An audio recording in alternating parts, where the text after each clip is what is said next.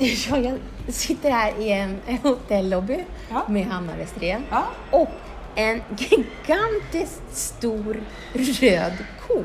Ja, Varför? I, Jo, varför här är Varför gör vi det? vi sitter här med Rosa som är en jättestor röd uppstoppad eh, mjukisko.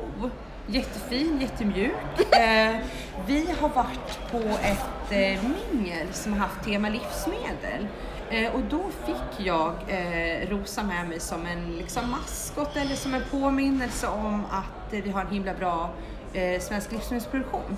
Och det är ju någonting som vi har pratat ganska mycket om i vår utskottsgrupp så att vi får väl ha Rosa lite som en, en maskot i framtiden för att påminna om eh, att vi har bra livsmedel i Sverige, vi kan få ännu fler. Vi har ju pratat ganska mycket livsmedelsstrategi, till hösten ska vi ju förhoppningsvis landa den här handlingsplanen. Eh, och eh, ja, vi får väl eh, helt enkelt återkomma med vad Ro- Rosa kanske kommer dyka upp i lite fler sammanhang. Eller hur?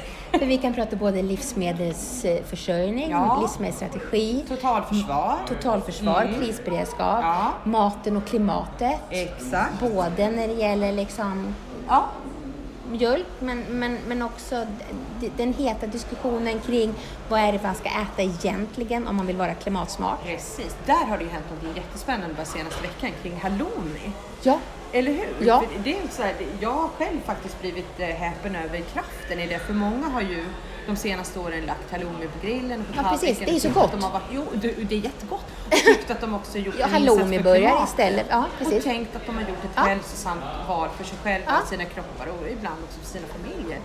Men Cypern är det ju som står för all halloumi och de har den högsta antibiotikaanvändningen i EU. Så frågan är ju om det verkligen är så himla bra. Mm. Och vad jag förstått så finns det ju svenska livsmedelsdistributörer nu som helt har slutat med halloumi och istället bara kommer att erbjuda den svenska eldosten som den heter. Eh, Den så ska att- vara jättegod, säger vår Mm. kollega Malin.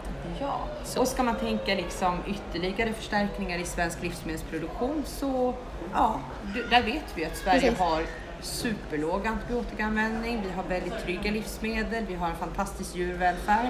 Ja. Så ja, det är väl inte odelat negativt att Rosa och hennes kompisar får leverera liksom lite mer Lite mera sak till oss, säger vi och sitter och klappar den här stora röda kon.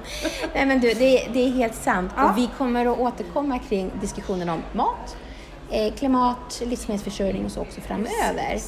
Men eh, vi kan väl säga det också att vi kommer också att spela in ett längre samtal om alla saker som vi har varit med om här i Almedalen och de seminarierna som Ja. vi har deltagit i och vilka, vad vi tar med oss eh, också till arbetet i riksdagen. Ja, Men det här får vara en liten teaser inför det. precis. Rosa får kanske inte vara med sen. Så Nej, Rosa får inte vara med hon sen. fick liksom en egen intro. Exakt.